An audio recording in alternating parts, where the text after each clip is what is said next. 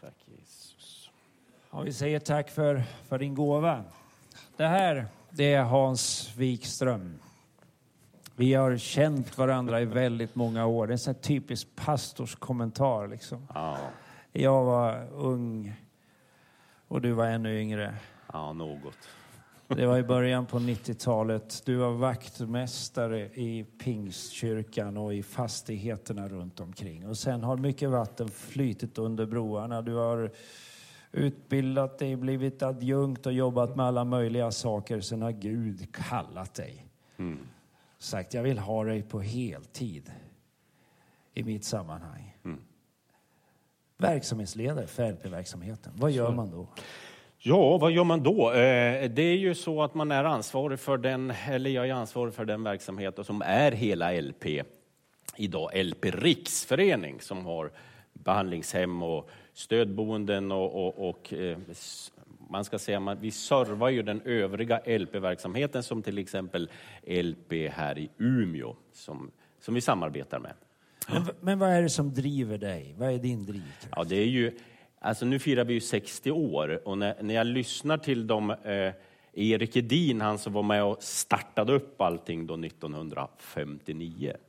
Han säger när jag tittar på gamla filmer så säger han så här, det viktigaste inom LP-verksamheten, det är omvändelseundret hos människan. Att få leda människor fram till omvändelsen i Kristus. Det är det största. Sen behöver vi hjälpa varandra. En del måste man hjälpa tre månader och ett- år eller hela livet ibland. Socialt.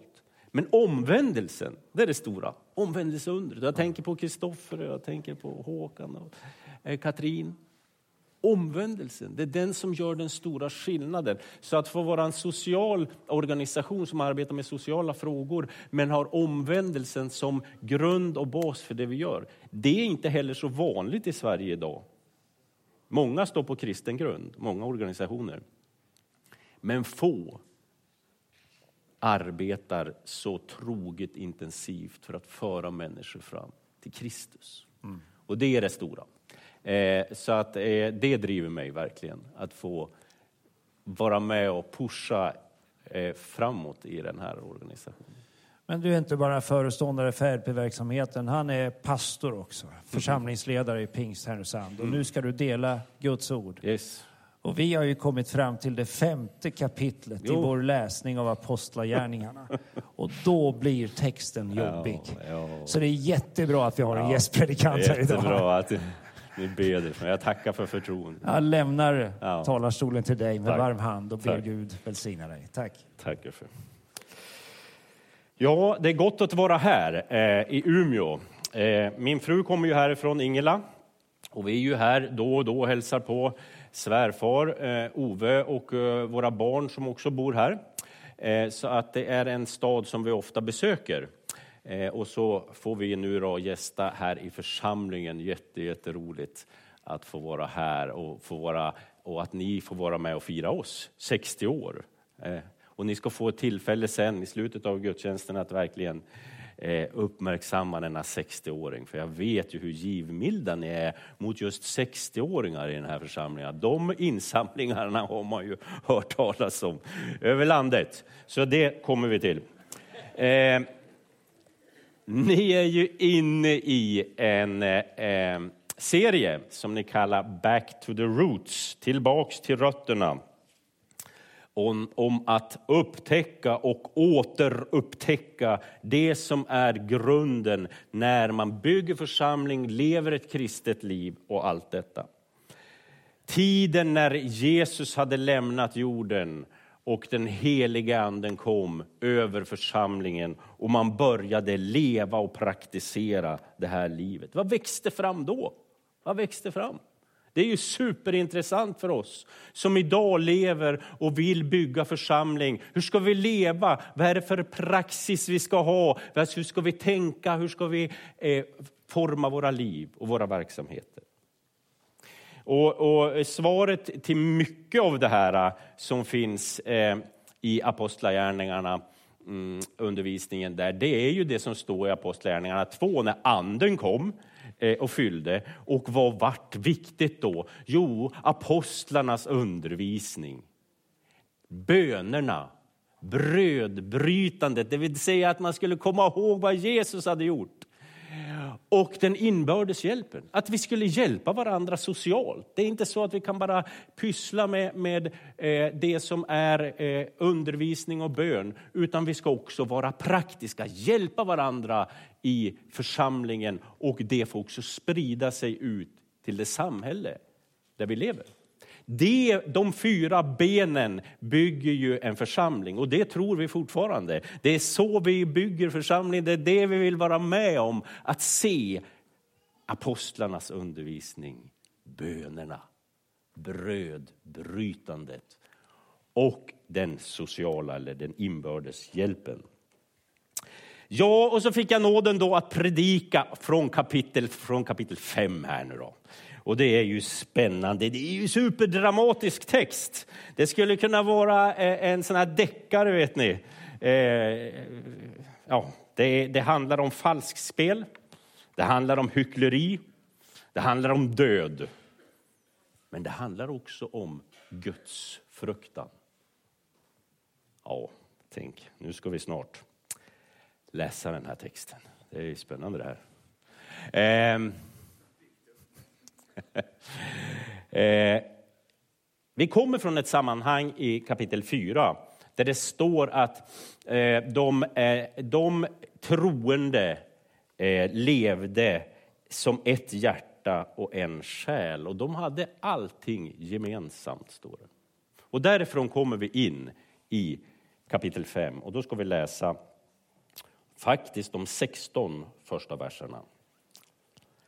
En man som hette Ananias sålde tillsammans med sin hustru Safira en egendom. Med hustruns vetskap tog han undan en del av köpesumman och kom och la ner resten framför apostlarna. Då sa Petrus, Ananias, hur har Satan kunnat fylla ditt hjärta så att du försöker lura den helige anden och tar undan en del av pengarna som du har fått från din jord?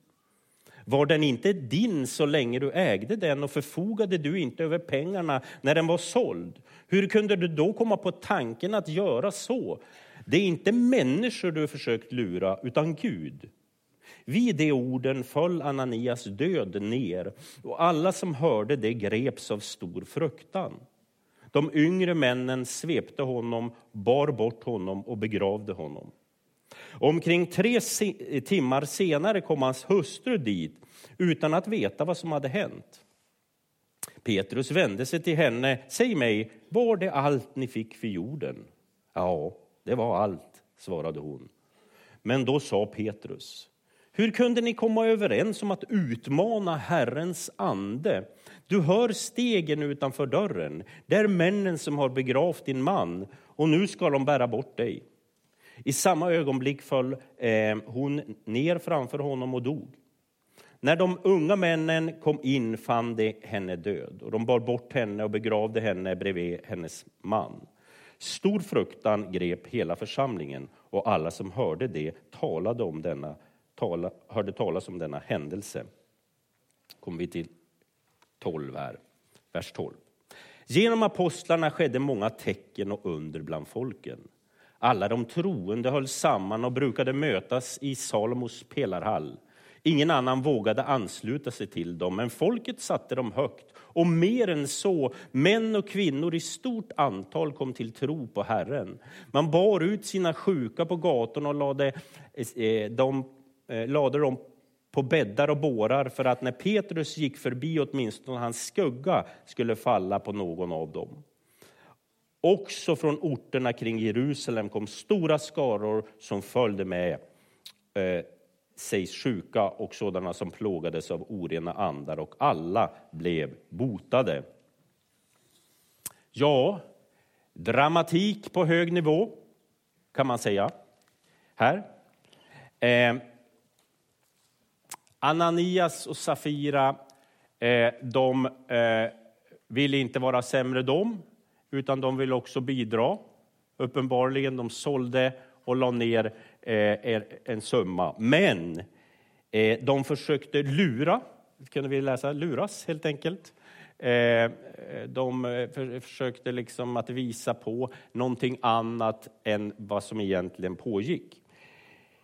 Det var inte vilka som helst som de försökte lura, de försökte lura församlingen som är ju Guds skapelse, Guds krona, världens hopp, församlingen.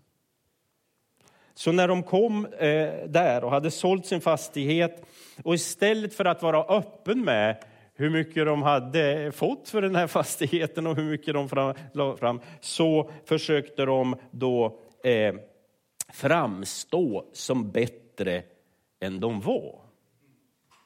Och då kan man ju fundera på varför ville de det? Ja, det är, ofta är det ju så att vi vill ha lite status i de sammanhang där vi befinner oss. Man vill liksom ha en bra position i det sammanhang där man är. Status, ära, eh, att framstå som liksom en vinnare. Ja, det är fint. Tänk vad den gör mycket och tänk vad... Oh. Och då är det ju inte ovanligt för oss människor att börja spela en roll där vi vill liksom framstå som en aningen lite bättre än vad vi är.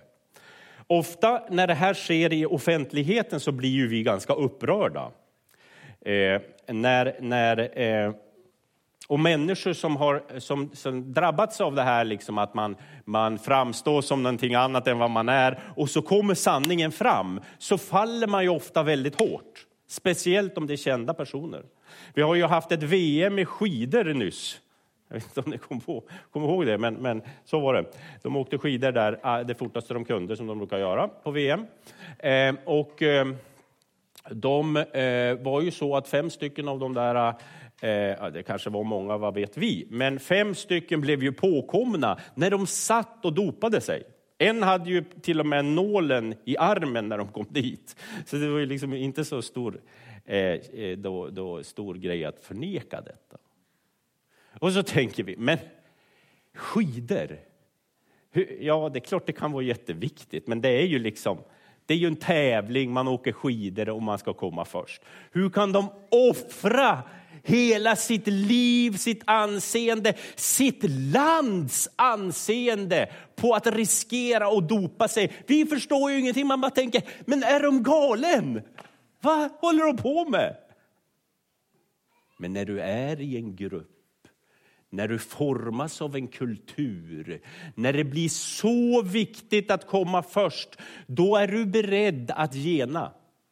Varför då? Det är för att du vill ha status i gruppen. Du vill framstå som en vinnare. Det är så viktigt för oss. Så vi är till och med beredda att riskera vårt lands ära. För att inte prata om familj och de här, de här fem personerna som åkte fast nu. Då, deras karriär är ju ödelagd. Och vi har ju många sådana exempel. Någonting verkar ta över vårt inre liv och vi riskerar allt. Hela vårt anseende. anseende. Jesus, när han undervisar, han är ju supertydlig på de här punkterna. Man kan ju inte ta miste. Eh, I Lukas 12 så är det ett, eh, ett ställe där eh, det står så här, då, Lukas 12 och 1. Under tiden hade människor samlats i tusental så att de höll på att trampa ner varandra. Jesus vände sig först till sina lärjungar och sa Akta er för fariseernas surdeg, hyckleriet. Ja, hyckleri, säger Jesus. Akta er för fariseernas surdeg. Varför, vänd, var, varför säger han det precis just nu? Lärjungarna de, de var ju, det var mycket folk och de hade kommit för att se Jesus och höra Jesus. Det var stort pådrag. Du vet, lärjungarna måste ju bara stått va, vad händer det här alltså? Våran, eh, våran rabbi, hans läraren som vi följer, han drar tusental, de håller på att trampa ihjäl varann, Och här står vi liksom eh, i händelsernas centrum. Oj, oj, oj, oj, oj, det här var spännande. Och så vänder sig Jesus och säger, Akta er för fariseernas surdeg, hyckleriet. Det var nog en frestelse för lärjungarna där att, att vara lite bättre än vad de egentligen var när de var där med Jesus, när de stod där. Frestelsen. Surdegen Ja, det är ju en, en bild på, eller en bild, det är surdeg, det är väl någonting man bakar in i, i bröd har jag förstått, i en deg, så att det ska genomsyra hela degen. Den där lilla biten surdeg ska man på något vis. Jag kan inte det här så bra som ni märker, men det ska in i hela degen. Det ska genomsyra hela alltet. Det är tanken.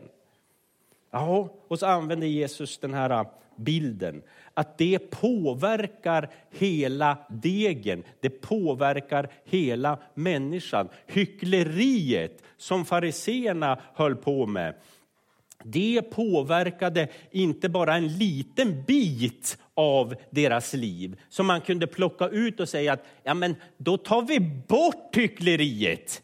Ja, men det var ju bra. Vart är hyckleriet? Där är det! Då tar vi bort hyckleriet, så var det borta. Nej, Jesus menar uppenbarligen att vi knådar in hyckleriet i hela människan och inte bara i hela människan utan också i de relationer som vi har, också i det samhälle som vi befinner oss i riskerar att bli ett samhälle där vi betonar yta och framgång snarare än djup och ärlighet. Surdegen.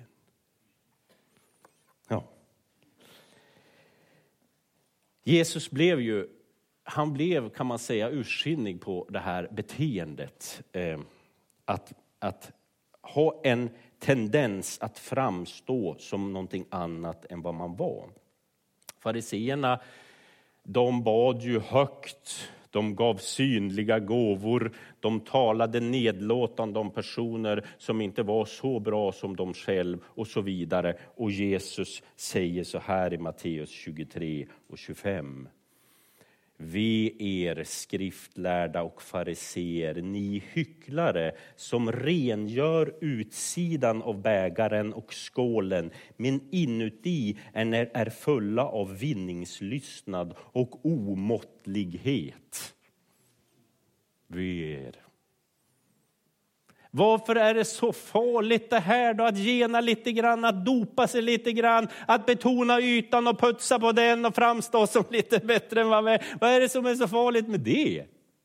Varför tar han i så fruktansvärt? Det är så att hyckleriet tar död på det inre livet. Ju längre vi går in i det som är hyckleri eller förnekelse eller lögn. Eh, det är som att gå in i ett mörker eller ett svagt ljus där lamporna slocknar en efter en ju längre vi går. Och till slut så är det mörkt och vi har tappat förmågan att orientera. Texten här som vi läste, den dramatiska, den visar ju på död. Hyckleriet ledde till direkt fysisk död. Men även om vi inte, och det är svårt att helt förstå den här texten, eh, varför skedde det så dramatiskt? Varför föll de död ner?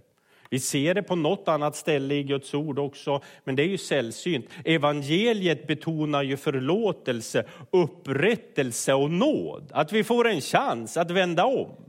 Det är ju den stora berättelsen om Jesus Kristus. Det är ju därför han kommer hit. Han kommer ju inte hit för att, för att konfrontera oss att vi ska falla död ner. Jesus, det var ju därför han kom, för att det inte skulle behöva ske. Så varför detta sker precis just då, när den heliga ande var så utgjuten och så stark och så starka gärningar, det vet vi ju inte riktigt. Vi vet inte så mycket om Ananias och Safiras liv i övrigt. Vi kan bara konstatera att det är så Guds ord beskriver den här händelsen. Men vi kan ju också se att Jesu berättelse, eller berättelsen om Jesus Kristus, det är upprättelse, förlåtelse och nåd. Men här så händer detta. Men Bibeln talar ju om död, inte riktigt som vi gör. Vi ser i skapelsen när, när Adam och Eva eh, och syndafallet, när de äter av det här äpplet så säger ju, eh, säger ju Gud till dem, lev och bo här, det är fantastiskt. Eh, eh, gör, gör allting allt utom att äta av den här frukten. Gör ni det så ska ni dö, säger Gud till dem. Gör ni det så ska ni dö. Och vi vet ju, som kan berättelsen, att de åt ju utan att falla fysiskt död ner. Men de vart ju bortkopplad från Gud. Relationen bröts och en andlig död uppstod. Eh, relationen utan Gud beskrivs i Guds ord som en livlös tillvaro. Den tar oss bort från det andefyllda livet. Ja. Så hyckleriet och förnekelsen kan ju till slut bli en livsstil för oss. En sanning som vi lever i. Och vi har kanske klarat oss länge och det här har blivit ett resultat i oss, eh, att vi eh, lever i det här eh, så, så det har blivit som vana för oss att det har påverkat hela vårt liv. Det har liksom bakats in i hela vår tillvaro, i hela vårt liv. Jag minns en kille jag besökte på häktet en gång. Och eh, det var en sån öppen gemenskapsavdelning på häktet och vi fick komma in där och, och ha samtal. Och eh, han, var, han ville ha samtal med mig, han var uppriktigt liksom upprörd. Han sa, eh, eh, det är så att jag, jag sitter här på häktet men, men det är inte mitt fel att jag sitter här. Nej, är du oskyldig liksom till, till... Ja, det var, det var så att, att vi gjorde det, det här brottet och så hade vi sån otur så polisen kom precis då vi gjorde det här. Och jag trodde han liksom skämtade. Eller? Han menar på fullt allvar att det var, det, det, det var inte hans fel, för hade inte polisen kommit då hade han ju inte blivit fast och suttit på häktet. Omständigheterna hade lett till att han nu satt i den här situationen. Och vi hann inte ha något djupare samtal kring detta, men jag märkte hur förnekelsen och hyckleriet hade liksom format hans liv. Han var så djupt inne i detta, så när han egentligen var skyldig själv så sa han att det var polisens fel. Och det låter ju lustigt det här. Men jag säger, ju längre vi går på den här vägen, ju fler lampor slocknar i ditt liv, ju mörkare blir det.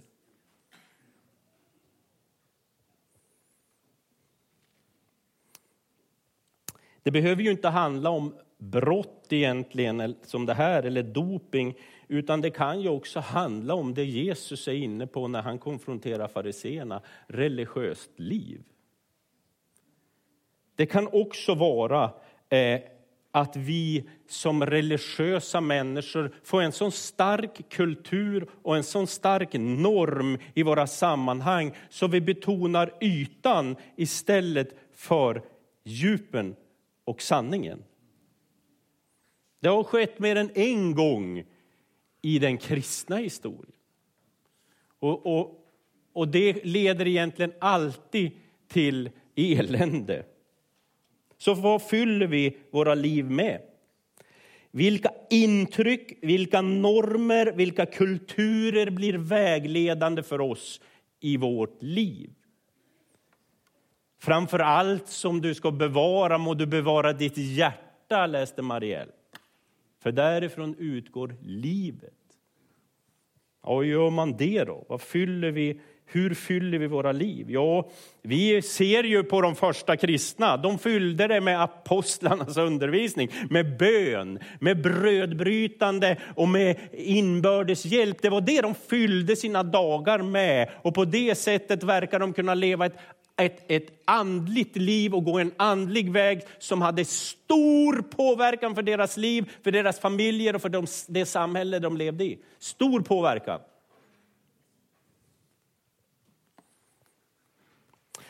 Om det skulle komma någon och knacka på hemma hos dig. Mats, tänk om det skulle komma någon. Du öppnar inte. Nej, men om du skulle öppna så skulle det stå någon där bara, som skulle säga Hej, hej Mats, jag skulle vilja komma in till dig här ja. Eh, och så vill jag prata med dig om eh, de dåliga sidorna du har. Hur, hur illa du ser ut och hur värdelös du är och att du inte har något värde egentligen. Och så. Och du bara skulle säga, va? Skulle du vilja komma in till mig och säga det? Ja, du skulle kunna ta med dig din familj också, så får jag säga det till dem också. Vad är det här för någonting? Ja, men du kan få en bonus också. Jag kan också eh, förstärka dina dåliga sidor. Åh, du, jag vet att du har lite hett temperament, det där kan vi ordna. Du kan få dubbelt så hett temperament. Och du skulle bara stå. Vad är det här för galning? Du skulle bara säga, jag tror inte att han tar det här erbjudandet, tack så mycket, hej då. Vem var det? Ja, det var någon galning som skulle komma in och säga hur, hur ful och, och värdelös jag var. Vilka galningar. På något sätt så är vi mer noga med våra hem än med våra själar. Det är jättekonstigt, men så är det. För i vårt inre liv så släpper vi in, inte vad som helst kanske, men ganska mycket elände. Det är nästan vet ni, så att kommer det ingen galning och plinga på så går vi ut på bron och, och tittar liksom. Ja, där går en galning. Hallå, hallå! Kom in till mig här, kom in, kom in alla galningar till mig och säg hur värdelös och ful jag är och, och, och, och eh, vilket litet värde jag har och allt detta.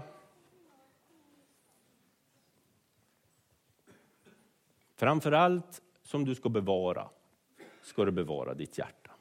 Och med det menar ju Guds ord att du ska inte bjuda in vem som helst in i ditt inre liv. Du ska vara noga med det. Bjuder du inte in galningarna i ditt hem, i ditt fysiska hem, ska du inte göra det i din själ, för därifrån utgår livet. Hemmet kan du städa upp. Du kan byta soffa eller vad det är. Du kan fixa till och måla så att det blir fint när galningen har gått ut därifrån. Men med din själ, det kommer att påverka hela ditt liv. Och det kan vara så att någon har bjudit in i ditt hem när du var liten eller vad som helst och massa olika saker som det formar dig idag. Så kan det vara. Därför är det ju så otroligt viktigt att vi är noga, att vi förhåller oss till Guds ord, till bönerna. Vi bryter brödet och kommer ihåg nåden varenda dag. Tänk att jag får vara frälst, att jag får vara fri. Tack att jag får vara befriad i ditt namn Jesus. Tack för att jag som inte var någonting har du utvalt och har gett din ande in i mitt liv. Du har gett gåvor, du har utrustat mig, du har gjort mig glad nåd, du har gett mig ett liv, du har gett mig ett evigt liv.